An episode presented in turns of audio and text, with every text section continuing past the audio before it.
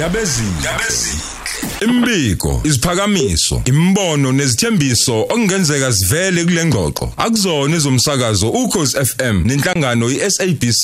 Ukhozi FM luhamba phambili. Siyakwamukela ku Khosi FM emkhulu Nxele eh ukhona lapha yana empangeni sawubona siyakubingelela awu madlala ndaba ezinhle sibingelele kwelikamthaniya sibingelele kubo bonke abalaleli bokhoze FM sibingelele kubo bonke nje abangalele ngalesikhathi. Sibingelele kuyo imbokoti inyanga yethu. Hawu singakhohlwa kanjani kodwa inzala abantu sithi Inyanga yethu. wathinta abafazi wathinta imbokoti uzozisola. Lo nje kunjalo. Hayi kodwa mabunqele eh, esikhathini esiningi sike sikhulume ngeingqinamba eh abantu ababhekana nazo. Abanye abantu abaphuma kakhulu eh, eh, elistini mhlawumbe asithi singaphezulu singaphezudlwana kunabo bonke abanye umuntu wesifazane.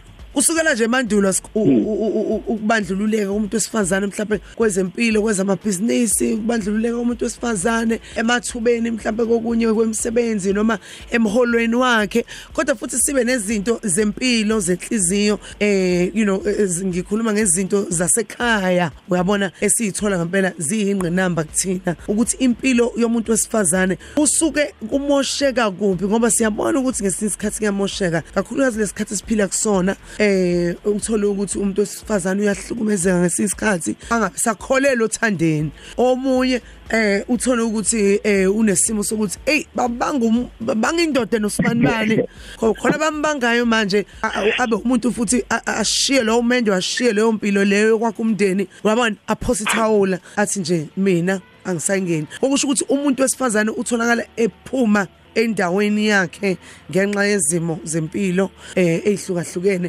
endaweni yakhe ngisho indawo fanele ayibambe ekhaya emndenini eh uyabona? Hey badladla uthinta indaba ebaluleke kakhulu ngoba ikakhulukazi ngalenyanga ebaluleke kakhulu ngoba abantu besifazane impela bangabantu ababalekile madladla. Kokuqala nje ngake ngisho ukuthi umuntu wesifazane ungumuntu obaluleke ngalendlela ngawukuthi ngisho uNkulunkulu impela umenzi wezulu nomhlaba wamethemba ngayo yonke indlela angamathemba ngayo. Ekutheni angakwazi ukuthukusa umuntu kuyena amgcine izinyanga ezu9 engazi ukuthi noma ukhulelwe into azoyizala iphila noma ukhulelwe into azoyizala ingaphili. Okusho ukuthi umuntu wesifazane uyena mfudumezi wemizi noma uyena u- womuzi. Ngokwendalo ngokwenkolo nangokwesintu nje umuntu wesifazane ungumuntu obalekile madlala. Bese ngiya kule ndaba le yokuthi umuntu wesifazane agcine engayazi indawo yakhe. Noma agcine engayazi indawo yakhe ngabe kuthiwa uganile noma akaganile. Mhlasimpe ke nje ke ngikhulume ngabafundi ngabantu besifazane abasothandweni eh, oganile ongaganile kodwa osothandweni. Ikakhulukazi endimeni ethinta uthando noma endimeni ethinta umshado. Kwesinye isikhathi umuntu wesifazane ugcina engayazi indawo yakhe okufuneka ayidlale kulomuzi lo aganele kuwona ngokuthi eh hayi ngoba ehluleka ukuyidlala leyo ndawo noma hayi ngoba ehluleka ukwenza lokho kodwa manje akanikeziwe lelo thuba lokuthi ayilime indima yakhe. Omunye umuntu wesifazane ugcina ke esehlukumezeke kakhulu madladla eh njengoba wadusho esewufisa ngisho kwamsha umshado wakhe ukuthi ngabe uyaqhabuka kodwa bese ebamba ukuthi oh ngamshada ngoba ngimthanda.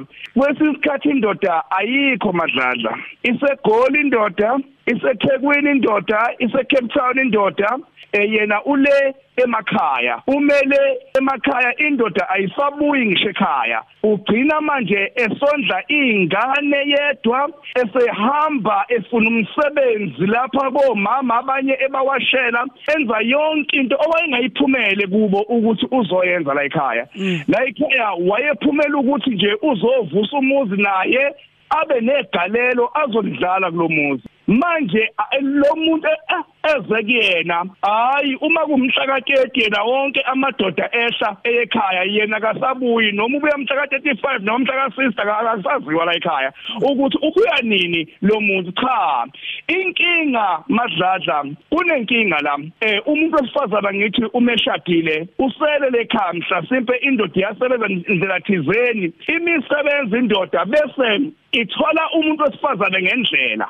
Uma ithola umuntu wesifazana ngendlela kanti nomuntu wesifazane ke manje emtholayo uzonele nje le ndoda ingasho ukuthi ngiganiwe ngineyingane nginomuzi ekhaya. Bese ethi lo muntu wesifazane hawu ke awusophinde ke manje ubuye lapho ekhaya.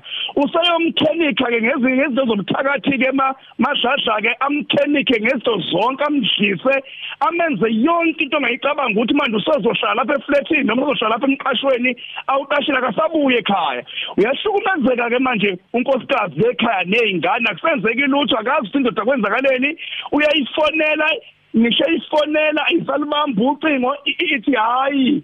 Lona ungibangela lokhuyana ungibangela lokhuyana isibala zonke izinto zomhlaba lezi ngokuthi lapho ehlezi khona sebeyikhenikile bayenza yonke into. Manje ingane ziyahlukumeza ke ziyahlukumezeka lapho usecabanga ukushiya umshado emadladla ukuthi ngcono mvele ngishiya umshado ngihambe ngoba engangimzele akasabuye ekhaya nezingane sengizondla ngedwa. Yizo zonke izinto lezi umuntu esifazana ahlangabezana nazo uma esothandweni noma esemganweni. Emhlabeni kunjalo madlala Yebo mkhulu Nxele kodwa siyakhuluma uyabona njengobusho izingqinamba ehlukahlukene ukuthi kusalungiseka yini? Olalele eh odlulile kwezinye izimo ozichazayo omunye eh osabhekane nazo njengamanje.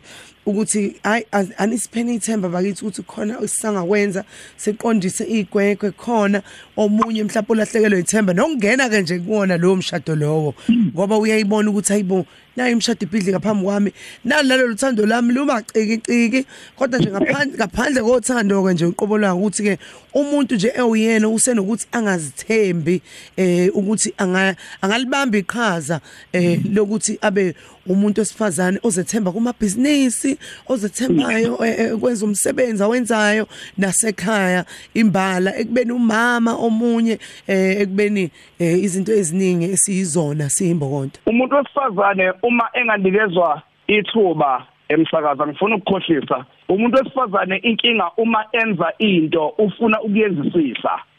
Ngokuthini? Uyazi isikhathi ukuthi into eyenziwa uyena bakuyaziwa ukuthi mhlasimpe izoba nokutengatenga. Bese yayenzisisa bambalwa abantu besifazane emsakazi abahlulwe izinto esebenikezwe ithuba. Bambalwa msakazi. Umuntu wesifazane umuke wamnikeza ithuba lokuthi akenze into oyifunayo noma akaqale ibhizinisi ngiyatshela msakazi uba sengathi kade lento wayilindela uwayomela ukuthi njena sengathi ngayithola lento ngiyibambisise. Kahle kahle emsakazi ngeke ngeke sesikufihle ngoba singomkhulu nxele njena. Umuntu wesifazane ngithi mina noma kuthiwa mhlasimpe uqala ibhizinisi lakho uyalibona ukuthi liyatengatenga manje akusenzeki lutho. Inkinga uqala ibhizinisi awuzethembi. Eh kanti umuntu wesilisa umeqala ibhizinisi kunezinto eziningi athembele kuzona yena ezomisa leli bhizinisi lakhe aliqalayo. Nawe ke umuntu wesifazane uma ungena endimeni yezamabhizinisi mhlawumbe njena ufuna ukuyisebenza noma kukhona into oyenzayo udayisa inkukhu uneplazi eh mhlasimpe wakhe izindlu. Yazi lokho eh ibhizinisi leli ongena kulona uma wena ungaqinile ungenakho ukuthi useke unesisekelo salento oyenzayo. Vele into yakho izowa msakazi. Bese kuthiwa ke besivele sibona ukuthi akekho umuntu wesifazane ongenza leyo nto kanti into engekho lo msakazi. Into engekho uqale into wangafuna ulwazi olunzulu. Lokuthi uma ngiyiqala lento le izongisa lapha engifuna ukuya khona.